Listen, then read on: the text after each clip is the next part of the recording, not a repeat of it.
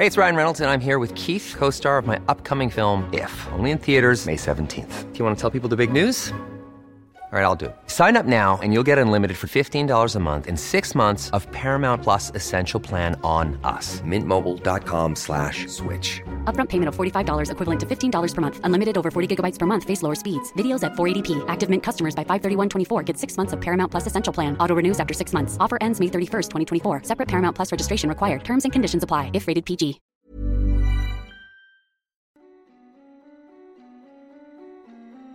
Hej och välkommen till Skräckstunden.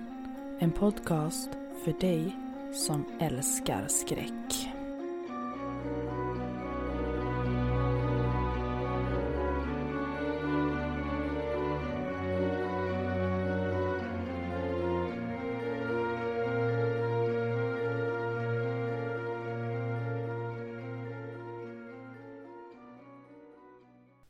Hej och välkommen tillbaka till Skräckstunden.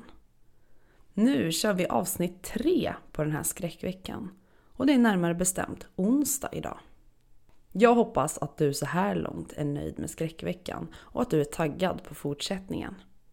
I dagens avsnitt ska ni få höra en enda längre berättelse som är skriven av lyssnaren Malin Bredenberg. Berättelsen som du nu ska få höra heter Spegel, spegel på väggen där. Nu kör vi igång. Välkommen tillbaka till skräckveckan.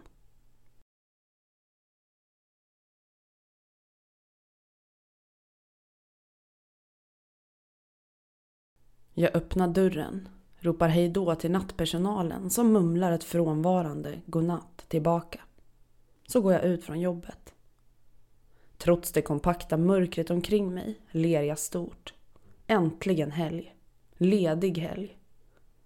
Jag drar ett djupt andetag. Ingen luft är så frisk som höstluften. Medan jag går tar jag på mig mina hörlurar, over-ear med bluetooth connection. Jag kopplar upp dem mot min mobil och slår igång en podd. Jag vet att många tycker att jag är lite konstig som kan koppla av till poddar om true crime och spökhistorier och väsen. Men det funkar för mig, så vem bryr sig om vad andra tycker? När det börjar dugga överväger jag att ta bussen hem men så fäller jag upp luvan på min jacka, stoppar händerna i fickorna och fortsätter gå. Snart är jag helt uppslukad av podden och är i min egen lilla bubbla. En bubbla där inget annat spelar någon roll. Som vanligt blir jag förvånad över hur fort jag kommer hem. Medan jag låser upp ytterdörren till lägenhetshuset jag bor i tar poddavsnittet slut. Jag överväger om jag ska köra igång ett till avsnitt men kör istället igång Spotify med upptempo musik istället och småjoggar upp för trappan till tredje våningen. Hissen är uråldrig och knarrar värre än en bitter gammal tant och eftersom klockan är närmare 23 vill jag inte väsnas mer än nödvändigt. De flesta i min uppgång är äldre, ensamstående tanter. Förlåt kvinnor. De flesta av dem sover vid det här laget. Och nej, det är inte fördomar, det är fakta. Av husets 12 lägenheter är 10 stycken singelhushåll. Jag är den enda under 30 år av dessa singelhushåll. Eller för att vara ärlig, den enda under 70. De andra två lägenheterna består av barnfamiljer. Mamma, pappa och tre barn i den ena lägenheten. Mamma och mamma och två barn i den andra. Jag joggar på med lätta steg. Satan vad jag älskar att låta kroppen jobba. Väl hemma i min lägenhet går jag raka vägen till badrummet, drar av mig alla kläder och slänger dem plikttroget i tvättkorgen. Och så in i duschen. Rören väser och fräser mer än vanligt så det blir en kortare dusch än normalt. Det har varit en bra dag på jobbet men för mig symboliserar duschen att jobbet sköljs bort och ledigheten börjar. Med fuktigt hår och mjukiskläder kryper jag upp i soffan. Fyra dagars ledighet Fredag, lördag, söndag och måndag. Jag vet att jag borde gå och lägga mig och hålla normal dygnsrytm. Men fyra dagars ledighet. Fyra dagars ledighet. Smaka på de orden. Fyra underbara dagar när jag kan göra vad jag vill. Vad jag vill. Jag sträcker lättfullt på mig. Jag har lust att spinna som en katt. Missförstå mig rätt, jag älskar mitt jobb. Att jobba inom vården, äldreomsorgen, är givande. Att ge folk glädje den sista tiden i livet. Visst är det stressigt, det ska jag inte sticka under stol med. Men jag gillar verkligen att känna att jag gör nytta. Men att vara ledig, att vara härskare över min egen tid och att få göra precis vad jag vill. Det är något speciellt. Jag älskar verkligen att få göra vad jag vill. Utan konsekvenser. Folk ser oftast inte den vanliga, alldagliga tjejen med det vanliga, alldagliga jobbet. Jag är en alldeles vanlig person. Någon som alla andra. Vanliga kläder från en vanlig kedja. Eller second hand ibland. Ljusbrunt hår i hästsvans, gröna ögon och 165 cm lång. Jag kan vara vem som helst. På jobbet gör jag det jag ska. Jag deltar på minimumnivå i diskussionerna som blåser upp. Vem orkar med drama? Jag gnäller sällan, berömmer när folk förtjänar det. Som många yrken inom vården kallas vi inom äldreomsorgen för vardagshjältar. Men då är det vi som arbetsgrupp och det glöms snart bort igen. Den grå musen passar mig. Jag viker upp min laptop och startar den. När den har vaknat till liv kopplar jag upp den mot tvn. Eller kastar som det heter. Jag känner mig modern och hipp. Hade jag haft barn hade de antagligen tyckt att jag var så pinsam. Men jag är stolt över att kunna hänga med i den senaste teknologin.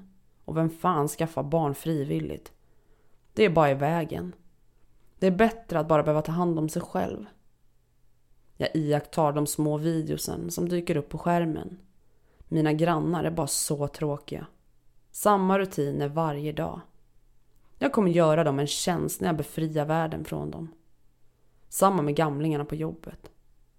De flesta har levt ett rikt och bra liv, men ärligt talat, hur mycket tillför mänskligheten till världen? De flesta är bara en börda för Moder Jord, även om de inte är medvetna om det. Jag sätter mig i skräddarställning i soffan med datorn i knät och följer vad mina grannar, kollegor och patienter gör med sitt liv.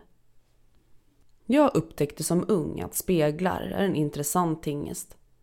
Den fungerar inte för mig som för alla andra. Jag kan se min egen spegelbild, men det tar extremt mycket energi och gör mig oftast utmattad. När jag är ensam hemma någonstans släpper jag den fasaden. Att behöva ses i speglar. Jag vet ju hur jag ser ut, eller hur? På jobbet är jag mest noga med att hålla skenet uppe. Det skulle skrämma livet ur både gamlingarna och personalen om de upptäckte att jag inte har någon spegelbild. Visserligen är det ett extremt roligt sätt att döda folk på. Det går att skrämma folk till döds. Jag och min bror, som har samma förmåga, delar det här intresset. Och ett rum, eller boende, fullt med döda, vettskrämda eller tokiga människor som babblar om folk utan spegelbild. Nej, det skulle bli svårt att förklara. Så jag och min lillebror började experimentera och upptäckte en massa roligt man kan göra med speglar. Som att spionera på andra. Jag kan, på något sätt, låta mitt medvetande gå in i spegeln där jag befinner mig. Tänka på en spegel någon annanstans och vips är mitt medvetande där. Medvetandet är ganska lätt att förflytta, speciellt till ställen där jag är ofta. Platser jag aldrig har varit på går inte. Jag måste veta spegelns placering och utseende. Och ju oftare jag besöker en spegel, desto mindre energi krävs det för att besöka den. Jag kan, ganska självklart egentligen, bara se vad spegeln ser. Den fysiska kroppen är svårare att förflytta på det här sättet. Det går, men det tar extremt med energi. Ofta är jag däckad i flera timmar efteråt och ibland dagar. Och så länge det bara är mitt medvetande kan jag iaktta utan att bli sedd. Är min kropp i spegeln så kan alla som tittar in i spegeln se mig. Tänker den paniken. Att se någon ni känner i spegeln. Men inte i det fysiska rummet. I vilket fall som, så länge det finns en spegel eller någon annan blank yta kan jag använda speglarna som portaler för att se vad andra har för sig. Jag har även lyckats koppla det till något program i datorn så jag kan få upp det jag ser via speglar på min storbilds-TV. Så nu sitter jag här och iakttar folks privata sfärer.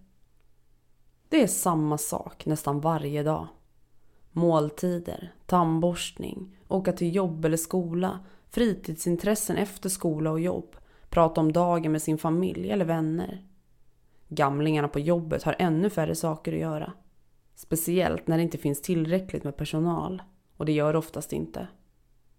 Nu sover alla gamlingarna. Utom den dementa herren i lägenhet två. Han står och pratar med strumporna i ena byrålådan. Han gillar inte strumpor och går ofta barfota i sina slitna träskor. Hör röster. Man kan inte ha röster på fötterna. Rösterna pratar sönder fötterna.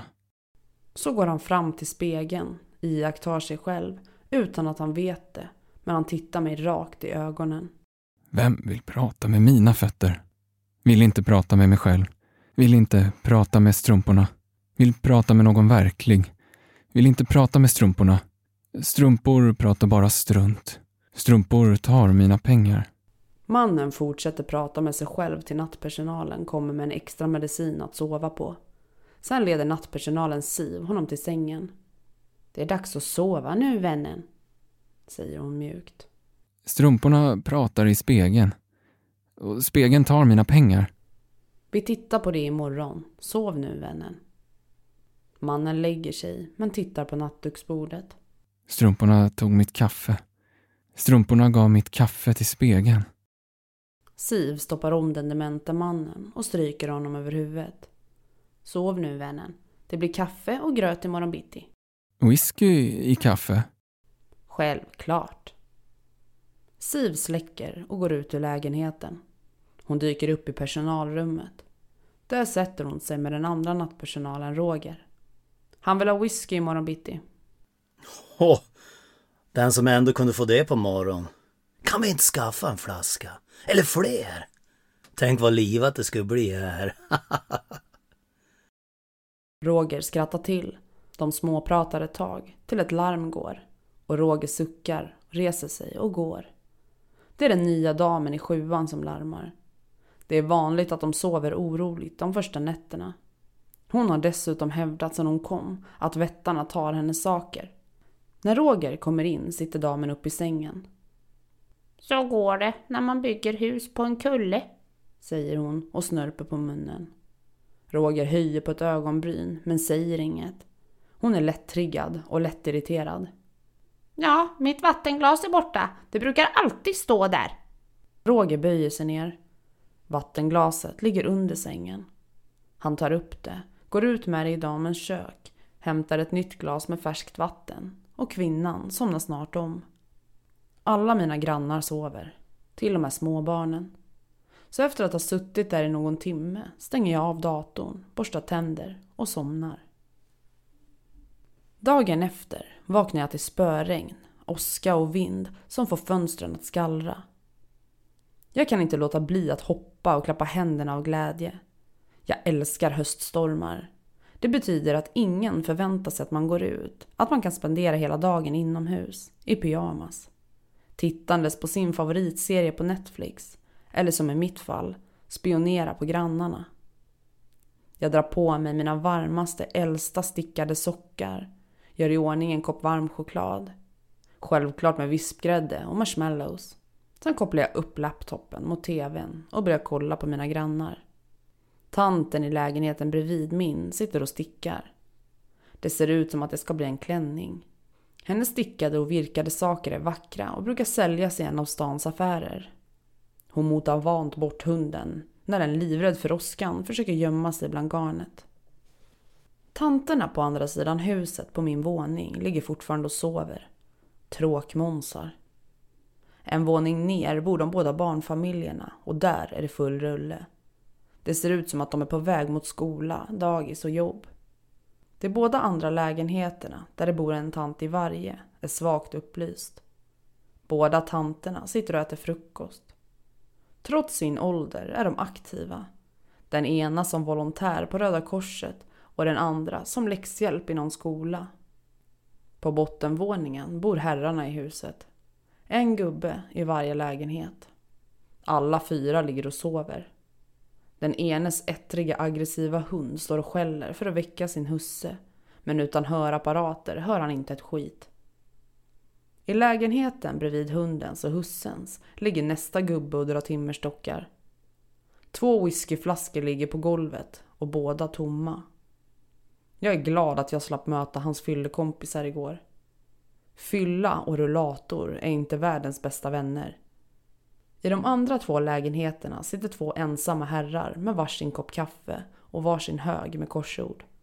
Snart är barnfamiljerna på väg ut. Det yngsta barnets underläpp börjar darra när han hör hundens ilskna skall. Mamman suckar. Ja, Vovvov är arg. Men Vovvov är ju inte här med oss, eller hur? Barnet trotsar rädslan och lägger handen mot den stängda dörren. Sen öppnar han brevinkastet. Mamman lyfter snabbt upp barnet i famnen. Kom nu vännen, nu åker vi till dagis. Han pussar mamman över hela ansiktet medan han pratar. Vad bra att du gillar dagis vännen, Var är din syster? Mamman drar ett djupt andetag, öppnar dörren och ger sig ut i regnet. Snart har alla som ska ge sig iväg gett sig iväg. Jag kollar igenom alla lägenheter igen. Och så smyger jag snabbt ut ur min lägenhet och springer med lätta steg nerför trapporna till våningen längst ner. Mina strumpor både skyddar mot kyla och dämpar mina steg. Jag gläntar på dörren till den fulle mannen. Han låser aldrig. Jag stänger snabbt. Stanken är vidrig. Så känner jag på dörren till den arga vovven. Låst. Jag vickar lite på huvudet och andas djupt. Med en snabb rörelse har jag lyckats rycka upp dörren, smita in och stänga dörren efter mig. Hunden slutar skälla. Klorna skrapar i golvet när den kommer ut i hallen för att kolla vem som kommer på besök. När den ser mig reser den ragg, visar tänder och börjar morra. Jag visar tänderna och morrar tillbaka. Sen tar jag tag i nackskinnet och vrider nacken av den. Jag släpper ner äcklet på golvet. Jag hoppas att jag inte får loppor. Jag går in till den sovande mannen. Jag sätter mig i fåtöljen bredvid sängen och iakttar honom. Snart förändras andningen och han börjar skruva på sig. Han slår upp ögonen. Tittar sig skrämt omkring. Det får jag ge honom. Han har väldigt starka känselsprön. För att vara människa. Så ser han mig och sätter sig upp med ett ryck. Eftersom hörapparaten ligger på sängbordet slösar jag inte tid på att prata. Jag pekar på mig själv, lägger sedan handen med handflatan inåt kinden. Det betyder bo på teckenspråk och pekar sedan uppåt. Mannen ser ut att fundera. Sen ser jag hur han slappnar av. Han lyfter händerna och tecknar. Du, flicka, bor tredje våningen. Jag nickar. Han tecknar. Var, hund. Jag svarar. Hund, oljud, jobbigt. Hund, död. Hey, it's Ryan Reynolds, and I'm here with Keith, co star of my upcoming film, If, only in theaters, May 17th. Do you want to tell people the big news? All right, I'll do it. Sign up now and you'll get unlimited for $15 a month in six months of Paramount Plus Essential Plan on us. Mintmobile.com slash switch. Upfront payment of $45 equivalent to $15 per month. Unlimited over 40 gigabytes per month. Face lower speeds. Videos at 480p. Active Mint customers by 531.24 get six months of Paramount Plus Essential Plan. Auto renews after six months. Offer ends May 31st, 2024. Separate Paramount Plus registration required. Terms and conditions apply if rated PG. Hiring for your small business? If you're not looking for professionals on LinkedIn, you're looking in the wrong place. That's like looking for your car keys in a fish tank. LinkedIn helps you hire professionals you can't find anywhere else, even those who aren't actively searching for a new job but might be open to the perfect role. In a given month, over 70% of LinkedIn users don't even visit other leading job sites. So start looking in the right place. With LinkedIn, you can hire professionals like a professional. Post your free job on linkedin.com slash people today. Jag kunde mer teckenspråk för några år sedan när jag dejtade en döv tjej. Men nu har mycket fallit i glömska. Jag ser hur mannen börjar gråta. Jag lägger huvudet på sned och låter mina huggtänder komma fram. När mannen lyfter blicken för att fortsätta kommunicera med mig ser han mina tänder. Hans hjärtattack kommer omedelbart. Jag hör hur hans hjärta slutar slå. Jag låter mina huggtänder glida tillbaka dit där de inte syns. Vid hans ytterdörr lyssnar jag några sekunder och när jag inte hör någon öppnar jag dörren, smiter ut, stänger dörren och tassar upp för trappan. Snart är jag tillbaka i min soffa med en ny kopp varm choklad efter att ha skurat händer och underarmar med body scrub och handsprit flera gånger. Några timmar senare kommer en av barnfamiljerna hem. Pojken, som tidigare noterat att hunden skällde, skuttar fram till lägenhetsdörren där mannen med hunden bor. I handen håller han några prinskorvar. Tydligen har han lyckats övertyga mamman att hunden blir glad och tyst av korv. Barnet öppnar brevinkastet och knölar ner en korv. En till korv knölas ner och mamman börjar lyfta upp barnet i famnen efter att ha ringt på dörren. När hon gör detta öppnas dörren då barnet fortfarande håller i brevinkastet. Hallå? ropar kvinnan tveksamt. Är det någon hemma? Snart är polis och ambulans på plats. Mannens död konstaterades som naturlig. Polis, läkare och ambulanspersonal verkar smått förbryllade över hundens död. En veterinär kontaktas för att kolla närmare på det. När jag några dagar senare lyckades få tag i protokollet från hundens obduktion ser jag att dödsorsaken konstaterats vara naturlig. Oförklarligt naturlig. Ingen bryr sig om en gammal död hund och hans gamla lika döda husse. Dagen efter är det fyllefest hos fyllefarbrorn. Barnen som bor i huset kan inte sluta prata om den stackars döda voven. De blir stressade och gnälliga av oväsendet från festen. Jag som sett fram emot en lugn ledig helg med åskväder som maskerar mina intressen, stalking och mord. Inte ens min spetsade choklad lugnar mig. Så jag inser vad som måste göras. Jag rotar fram några roliga preparat. Lugn, det är bara naturliga ingredienser. Skulle barnen få tag i dem skulle antagligen ingenting hända, men blandat med sprit så blir livet värre. När jag känner mig redo sätter jag mig vid datorn, kopplar upp mitt medvetande mot spegeln i lägenheten med festen. De skålar för den bortgångne farbrorn och den bortgångna hunden, för sina bortgångna vänner och för att de fortfarande lever. Det är fem män i lägenheten. En av dem kommer ut från toaletten. Fan Nisse. Toaletten i din lägenhet är det bästa stället. Överallt annars känner man sig iakttagen. Det är du ju, Tore. Alla tittar på alla här för fan. Ja, men de där jävla fönstren överallt gör inte skiten bättre. Man ser ju inte vad som finns där ute.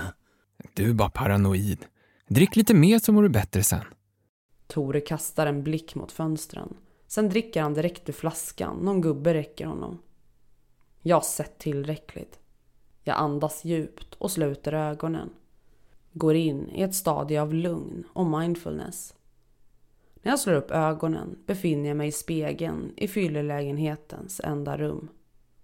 Det stinker av svett, rök, sprit och spya. Det vänder sig i magen på mig och jag vill ut därifrån. Men jag duckar bakom en fåtölj. Väl medveten om att det ser mig i spegeln nu så kommer det här bli så mycket svårare. Jag väntar några minuter. Sen får jag tag i två flaskor som jag spetsar med mitt pulver. Snabbt ställer jag tillbaka dem. Jag vill bort från stanken men andas lätt mellan sammanbitna tänder. Jag överväger att ta mig tillbaka till lägenheten för att vänta på att galenskapen ska börja. Men det skulle ta för mycket energi. Och om jag blir skadad i spegeln så kommer jag bli skadad på riktigt. Jag blundar, flyttar mig till fönstret som är dold utifrån av en buske. Där finns det ingenstans att gömma sig så jag förflyttar mig snabbt tillbaka till spegeln och väntar på att festen ska urarta. Sist jag testade detta hände något som fick hungerspelen att verka som en romantisk picknick. Men sist hade jag med mig min bror. Och nu är jag ensam. Jonsson börjar klia sig på armarna. Nisse, du behöver nog kontakta hyresvärden eller Anticimex. Du har fått myror. Nej, nej, det, det har jag inte. Det vet väl jag om någon. Men vad är det som kliar så för jävligt då? Ja, inte är det några myror i alla fall. Det har jag inte här. Du kanske har loppor? I helvete heller att jag ska ha loppor. Jag kryper över hela mig. Jonsson fortsätter att riva på sina armar och Nisse böjer sig fram och drar upp Jonssons ärm. Titta här. Inget som rör sig. Varken myror eller loppor. Men häll lite sprit på det så blir det nog bättre. Jonsson häller över lite whisky och grimaserar av smärta. Knasen fimpar sin cigarett i ett nästan tomt ölglas. Det fräser till och en tunn spiralrök ringlar upp mot det nikotinfläckiga taket. Fan, jag skulle ha tänt en ny först. Han klappar sig på bröstfickan, men den är tom. Jag hostar till, men lyckas dämpa ljudet i sista sekund. Nisse räcker fram en snusdosa till knasen som skakar på huvudet. Så skiner knasen upp, lyfter på strumpan han slängt av sig. Han fiskar upp cigarettpaketet som gömt sig under strumpan. Snart är en ny cigarett tänd och knasen flinar lyckligt mot alla och ingen särskild. Nisse! Har du något ätbart? Jag vet inte, Jonsson. Titta i kylskåpet själv. Hemtjänsten var här med matlådor i förmiddags. Eller igår. Jag minns inte så noga. Och vilken bra värd du är då. Jonsson går ut i köket och kollar men kommer snart tillbaka. Bara en massa grönsaker och ris och skit i de här lådorna. Vad händer med potatis och kåldolmar och köttbullar och brunsås va? Tore langar plötsligt sitt glas genom ett fönster. De andra kommer på fötter. Vad i helvete är det för fel på dig? Jag ser ju att de tittar på oss för fan. Varför lyssnar ingen på mig? Paniken lyser från hans ögon och strålar från hans hud. Det är ögon överallt. Precis överallt. De, de ser vad jag gör. Sitt ner och ta det lilla lugna va. Vi ska ha trevligt Tore. Tore sätter sig med armarna kring kroppen och gungar fram och tillbaka. Hans ögon stirrar rakt fram. De ser oss. De ser oss, de ser oss. Ögon överallt, ögon överallt, röda ögon överallt. De ser allt. De vet, de vet vad vi gör. De ser oss. De vet, de vet, de vet. Hans röst är låg, blicken långt bort. Nisse och de andra männen fnissar högt. De tittar på varandra, försöker sluta men snart har fnisset övergått i gapskratt. Satana perkele! Heikki far upp och pekar mot hallen. Han har rätt. Ser ni inte? De ser oss. De vet vilka vi är. Perkele, de vet vad vi har gjort. Nisse och Jonsson knuffar ner Heikki i stolen igen medan Knasen bara gapar och stirrar på de andra. När Tore tittar in i spegeln med stora ögon kikar jag fram bakom fåtöljen, ler och vinkar lätt åt honom. Så kryper jag in bakom fåtöljen igen. Tore flyger upp med ett vrål. Han rusar direkt fram dit han såg mig i spegeln, men självklart finns jag inte där, i den fysiska lägenheten. Hans förvirring är nu total och han bryter ihop och gråter. Han gömmer sig bakom fåtöljen med knäna uppdragna mot hakan och armarna om knäna. Hon är där. Jag, jag är här. Hon är där. Jag är här. Håll käften! Knasen har nu nått sin gräns. Han slår Tore över kinden med öppen handflata. Tore reagerar inte. Han fortsätter gråta, mumla och snora. Knasen slår till Tore igen med andra handen. I sitt tillstånd glömmer han att han har en flaska i den handen. Och flaskan splittras mot Tores huvud som färgas rött av blod när glassplittret regnar över honom. Jag kryper snabbt bort och gömmer mig bakom fåtöljen där Heikki trycks ner. Glassplittret är lika verkligt i spegeln som hos männen. Tore sjunker ihop. Andningen upphör. Jag andas djupt några gånger men kräks snart av stanken. Knasen ser spyan uppträda framför sina ögon då han vänt sig mot de andra tre männen. För i helvete Nisse! Vad är det för jävla skit du har dragit in oss i? Håller du på med någon magisk skit? Har din syster varit här med sin widja-skit och rökelser? Tore hade rätt. Någon spionerar på oss. Någon försöker sätta dit oss. Nu har jag tröttnat på deras larv. Så jag drar upp min luva, ställer mig upp, vänder mig så att de kan se mitt ansikte. Eller ja, det de kan se av det. Och så skriker jag rakt ut, så högt och länge jag kan. Jag bara skriker rakt ut av frustration, ångest och äckel. Jag tar snabbt tag i håret på mannen som sitter i fåtöljen, tar en bit glas och kör med våld in den i hans hals. Nisse, Knasen och Jonsson bara glor på mig med öppna munnar och armarna hängandes längs sidorna. Knasens cigarett har hamnat på golvet och glömts bort. Den lilla, lilla lågan flämtar och verkar ge upp. Men så glimmar den till och fattar tycke för fåtöljen. Jag fortsätter att iaktta de tre männen. Jag vickar långsamt på huvudet från sida till sida. Tystnaden sprakar. Bu! Alla tre männen hoppar till och springer åt varsitt håll. Knasen snubblar över Heikis fot, vilket får Knasen att falla handlöst.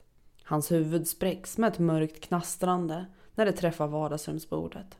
Nisse och Jonsson reagerar inte ens. Jonsson börjar plötsligt hoppa runt som om han försökte steppa. Samtidigt vrålar han att Nisse ska sanera sin lägenhet eftersom han har fått in ormar. Nisse svarar inte utan försöker gång på gång på gång gå igenom väggen. Måste hem till mamma. Måste hem till mamma. Mamma behöver hjälp med lilla syster. Lilla syster har blivit galen. Måste hjälpa mamma. Farsgubben har stuckit. Måste hjälpa mamma. Lilla syster galen. Måste hem till mamma. Mitt ansvar nu. Måste hem till mamma. Jag börjar hosta när en av fåtöljerna bolmar ordentligt. Svart rök sprider sig i lägenheten. Jag backar undan så långt in i spegeln som det går. Jag koncentrerar mig. Snart är jag hemma i min egen soffa. Trots att kroppen skriker efter sömn rotar jag fram telefonen samtidigt som jag släpar mig ut i hallen, nerför trapporna och ut. Så ringer jag 112. Hjälp mig! Det brinner! Det brinner på bottenvåningen! Ni måste komma hit! Kvinnan jag pratar med är lugn och samlad. Hon lotsar mig genom vad jag antar är standardfrågor. Snart hör jag sirener i fjärran. Rök sipprar ut genom de dåligt tätade fönstren i Nisses lägenhet. Trots min trötthet kastar jag kottar på de fönster jag kommer åt och vrålar allt jag kan. Det brinner! Kom ut! Det brinner! När brandbil och ambulans kommer slappnar jag av. Jag sätter mig på en av gungorna i lekparken framför huset. Alla utom Nisse och hans kompisar har kommit ut oskadda.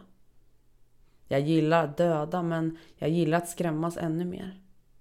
Att först hunden och hussen dog, sen detta dagen efter. Det kommer att få folk att tänka, undra och fundera. Sweet. Jag ler brett och sänker huvudet för att inte bli påkommen. Jag tittar upp igen när några brandmän stapplar ut. Branden är släckt, det var en lätt släckning.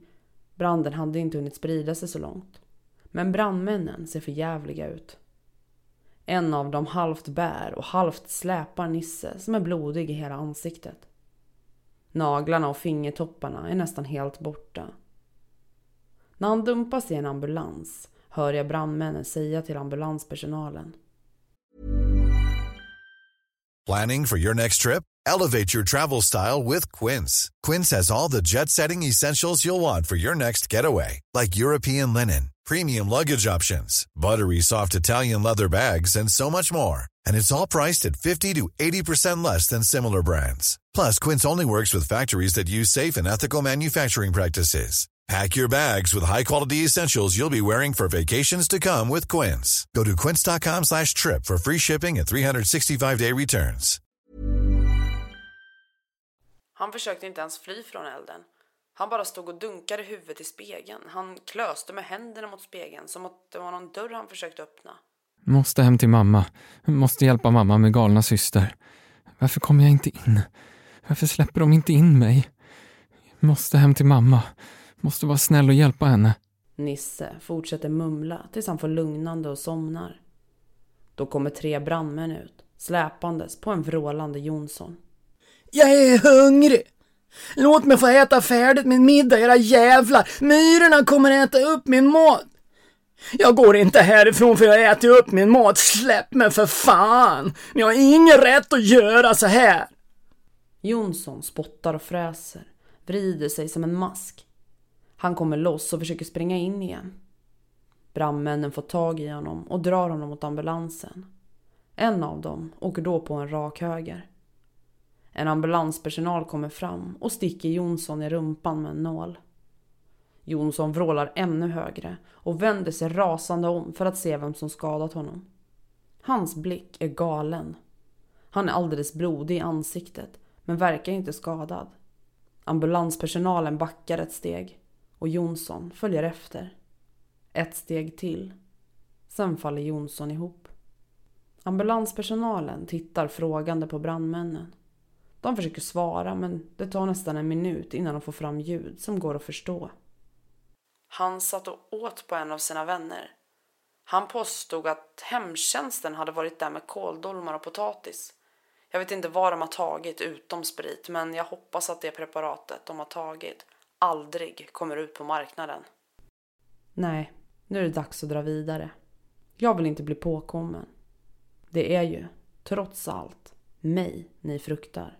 Och alla vet ju vad man gör med det man fruktar. Du har hört berättelsen Spegel, spegel på väggen där. Inskickad av lyssnaren Malin Bredenberg. Ännu en gång så vill jag säga ett stort tack till mina goa poddkollegor Emil och Mattias. Det är inte första gången ni hjälper mig och säkert inte sista gången. Gå in på deras poddar och lyssna på dem. Ni hittar Emil på podden Monsterboxen och Mattias på podden Mannen med den gula rocken. Jag kommer att lägga länkar till deras poddar nere i avsnittsbeskrivningen under avsnittet. Stort tack till er som har hjälpt mig idag. Du glömmer väl inte att följa mig på mina sociala medier? Där lägger jag upp information om poddstart, säsongstarter och så vidare.